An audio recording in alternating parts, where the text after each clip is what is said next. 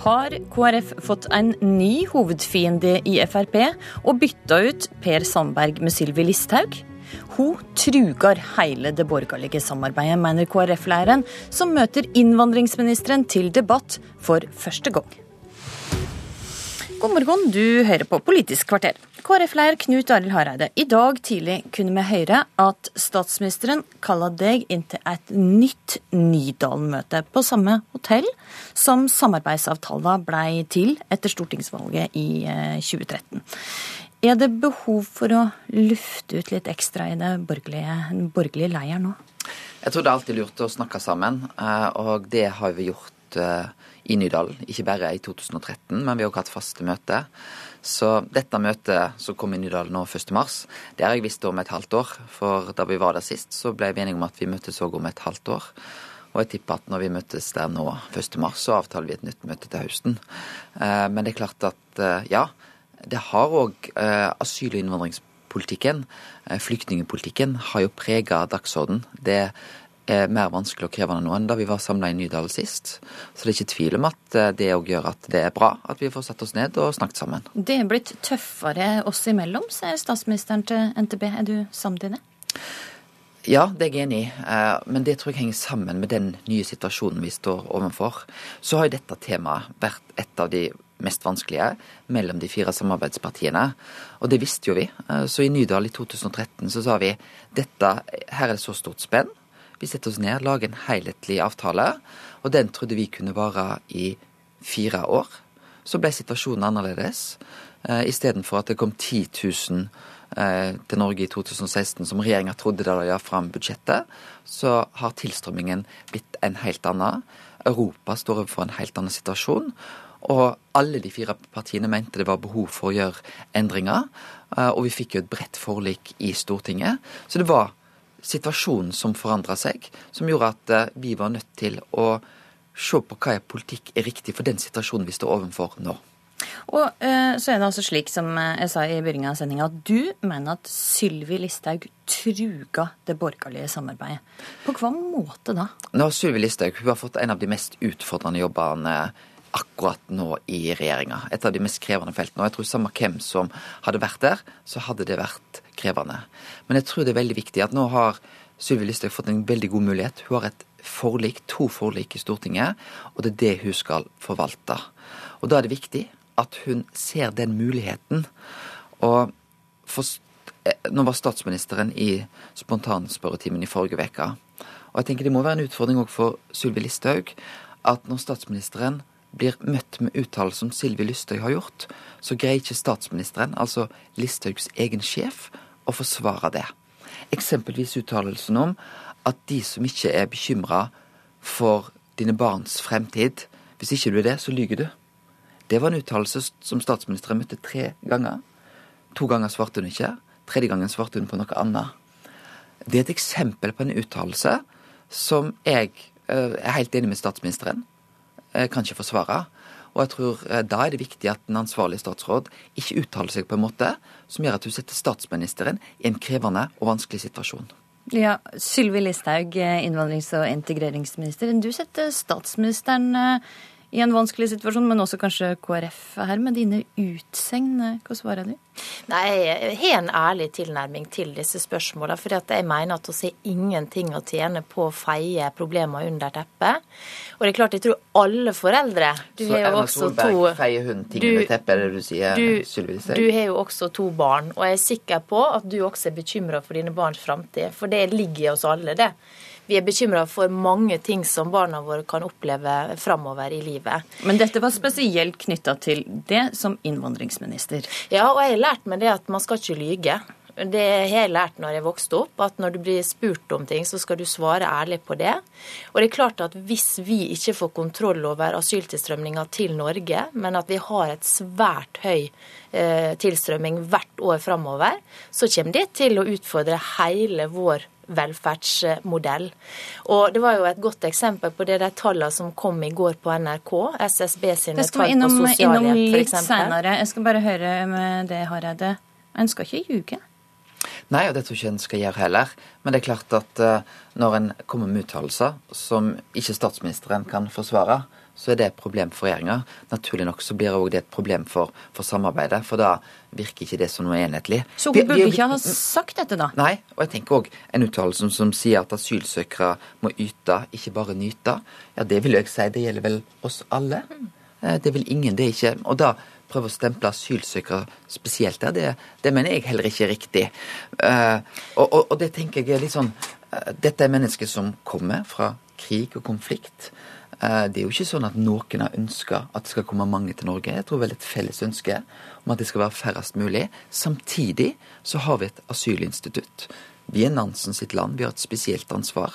Han var altså da Folkeforbundets første høykommissær for flyktninger. Eh, så vi har et ansvar å òg finne felles løsninger i Europa. For dette er jo en utfordring, dette er et problem. Men det er jo ingen som ønsker at det problemet skal være størst mulig. Men da er det desto viktig at vi jobber med å finne løsninger. Så skal jeg òg i ærlighetens navn si at jeg registrerer jo at Sylvi Listhaug òg snakker om integrering. Men det blir litt mer oppmerksomhet når Sylvi Listhaug snakker om innstramming. Det er jo sant, Listhaug. Ja da, det er det. Men det er klart, jeg er helt enig med Knut Arild Hareide i at vi må prøve å finne internasjonale løsninger på dette her. fordi at hvis dette fortsetter, det trykket som er mot Europa, så kommer ikke den måten asylinstituttet fungerer på nå til å kunne vedvare.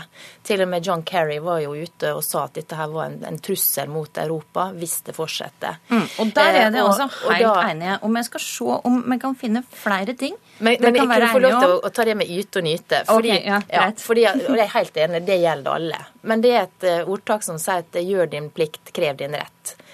Nyte og ikke bare Eller yte og ikke bare nyte, det er jo egentlig akkurat det samme. Og jeg mener det er kjempeviktig å ha fokus på den egeninnsatsen som er nødvendig for å bli integrert i det norske samfunnet. For det er ikke slik at vi kan sitte og vedta at noen skal bli integrert. Vi kan legge til rette, men så krever det faktisk stor egeninnsats for å lære norsk og komme i jobb. Og, og det, det, er også et også poeng som må være greit å, å si. Um, vi skal forsøke oss på en ja- og nei-runde her i Politisk kvarter i dag. Det kan altså bare svare ja eller nei, eventuelt veit ikke. Uh, Listhaug først. Er du samd i at innvandring er en av de største utfordringene Norge står foran? Absolutt. Hareide? Ja, det er jeg enig i. Eh, både Kristelig Folkeparti og Frp har vært en del av et bredt forlik med innstrammingsforslag. Er det viktig at partiene på Stortinget er mest mulig samla i denne saka, Listhaug? Det er det.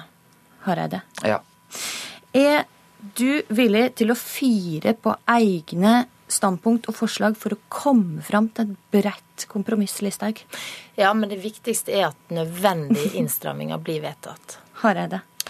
Eh, ja, det er jeg. Samtidig så mener jeg at eh, vi er nødt til å ha en politikk som ikke bryter med våre folkerettslige forpliktelser og flyktningkonvensjonen. Mm, for det er på en måte bærebjelken. Hva skal til da for at Kristelig Folkeparti skal komme eh, regjeringa i møte og gå med på disse forslagene som ligger på bordet nå? Ja, det er jo at, eh, For nå har jo eh, Listhaug lagt fram 40 forslag. Så sier jo hennes egne underliggende etater at her er det faktafeil. Eh, her har det vært hastverksarbeid. Det innrømmer jo òg Erna Solberg i spontanspørretimen.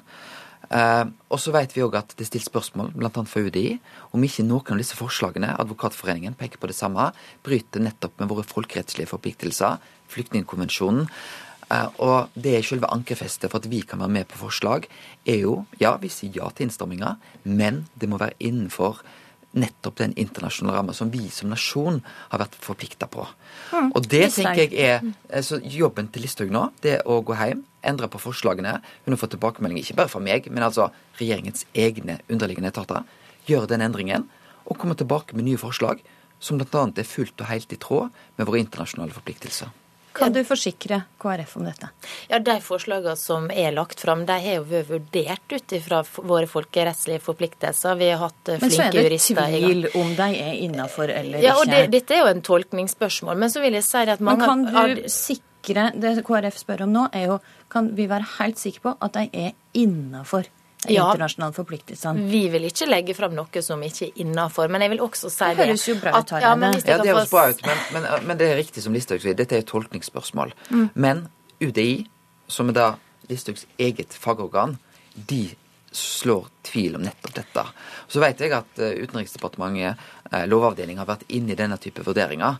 Men når vi ser helheten i denne, og, vi ser meget, og det er veldig bra, Eh, Listhaug sa jo sjøl vi trenger en åpen og god debatt om dette. Det har vi fått nå etter høringen. Samtidig, hvis vi skal ha en høring, og ikke vi skal lytte til de beste fagfolkene vi har i denne type spørsmål, så vi, så vi er nødt til å gjøre endring hvis vi mener vi skal ha en åpen og god debatt om dette. De som har sendt inn høringssvar, de slipper å ta hensyn til den overordna samfunnsutviklinga, ta ansvar for samfunnet. Det er vi som politikere nødt til å gjøre. Og jeg mener at dette handler om hvilken framtid vi skal ha i Norge. Om vi er et samfunn som i framtida både skal ha en velferdsmodell, velferdstjeneste, velferdsordninger som vi er vant til. Det handler om eh, asylinstituttet skal kunne overleve på sikt, for det vil ikke det hvis denne tilstrømminga fortsetter. Og det handler om vi skal kunne vise solidaritet og nestekjærlighet i nærområder til krig og konflikt. For det er til mer penger vi bruker her på eh, å ta imot de få, til mindre penger har vi å bruke der de mange sitter, uten noe framtidshåp. Og jeg mener det er denne totaliteten som det er viktig at vi tar med oss nå, når vi skal jobbe videre med disse forslagene. Eh, når det gjelder nettopp nærområdene, så er det et av de områdene jeg har lyst til å gi regjeringa honnør til, og òg Listhaug. Fordi at nå har de hatt en giverlandskonferanse som regjeringa har tatt initiativ til, med et godt resultat. Norge har bidratt veldig sterkt. Og så opplever vi at her har det skjedd en total forvandling i Frp. Og nå hører vi òg at Høyre gjør det samme. Det er de to partiene som har, og ikke minst Frp, som har kutta mest opp gjennom årene til nærområdene. Bistandskutt på milliarder på milliarder. Vi så det senest i høst. Og opplever jeg at regjeringen kutter i bistand en gang til, og samtidig sier at vi må gi mer til nærområdene, det vil være totalt Det vil på en måte være en, en dobbeltkommunikasjon som, som, vi ikke har sett sidestykke til. Hvor skjer da, Harald? Nei, altså det går ikke an. Jeg er veldig glad for det Listhaug sier nå. Mm. Vi er nødt til å hjelpe i nærområdene. Men da begynner Det var 4,2 milliarder som ble kutta i høst, nettopp til verdens fattige områder der det er krig og konflikt. Men nå ser vi At hun vil vise nestekjærlighet og gi til nærområdene. Ja, og da kan vi ikke komme og kutte i bistand til verdens fattige. For skal vi, enten må en si vi skal hjelpe i nærområdene, men en kan ikke gjøre, si det og kutte i bistand. Det er okay, min tydelige beskjed. La Listhaug få svare. Statsbudsjettet er ikke noe utømmelig krukke. Og det som er poenget, det er at til mer penger vi bruker her hjemme på å hjelpe de få, til mindre penger har vi der ute.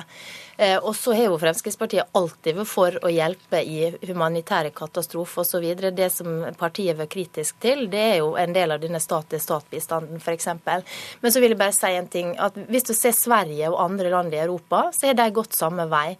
Altså Sverige står oppe i så store utfordringer at de også må bruke stadig større andel av statsbudsjettet sitt, av bistandsmidlene, til å ta hånd om situasjonen hjemme. Og det er dit jeg ikke ønsker å komme. Jeg ønsker ikke at Norge skal komme i en svensk situasjon. Og Det er derfor det er utrolig viktig at vi tar grep nå om innstramminger og sørger for at vi greier å holde antallet som kommer til Norge på et bærekraftig nivå. Men Det kan jeg være enig i. Men samtidig, hvis vi snakker om utgifter i vårt eget land, så vet vi at hovedsvaret på det, det er å få til en god integrering hvis vi mennesker som kommer hit, får lov til å bidra inn i vårt samfunn. Og vi vet at En av utfordringene med mange av de som har kommet hit, er at de ikke kommer inn i arbeidslivet. En del av de har ikke den samme eh, utdanning som den norske befolkningen har. Så selve grunnløsningen for å få til at utgiftene i vårt eget land går inn. Det er å få til en god integrering. Og På Dagsrevyen i går så kom det fram at uh, tre av ti innvandrere fra Syria, fire av ti fra Somalia, lever på sosialhjelp. Og uh, Hvorfor krever disse gruppene så mye sosialhjelp, uh, Det er klart at når du kommer fra Somalia f.eks., og et samfunn som ikke har noe stat, et samfunn som er noe helt annet enn i Norge, så er det en stor overgang å komme hit. Eh, og lære seg norsk og komme seg i jobb. Og jeg mener det at vi er nødt til å se på hvordan vi kan stille større krav til at de faktisk gjør den egeninnsatsen som er nødvendig for å greie det. Men ditt eget, ditt eget fylkeslag vil jo ikke gi norskopplæring? Er ikke det et paradoks? De som får bli i Norge, de får selvfølgelig norskopplæring. Men de skal, og det skal vi jo og vente og vente, vi og det å sitte lang tid Vi skal sørge for at den også skal bli bedre. For jeg mener når det gjelder norskopplæring f.eks. da, så er ikke det antall timer som er viktig, men det er jo hva de lærer på disse timene. At du er gode lærere, at du har kvalitet på det. Okay. Og det blir viktig å se på integreringsmeldinga. Der må jeg dessverre avslutte. Sylvi Listhaug og Knut Arild Hareide, takk for at dere kom til Politisk kvarter. I studio i dag var Astrid Randen.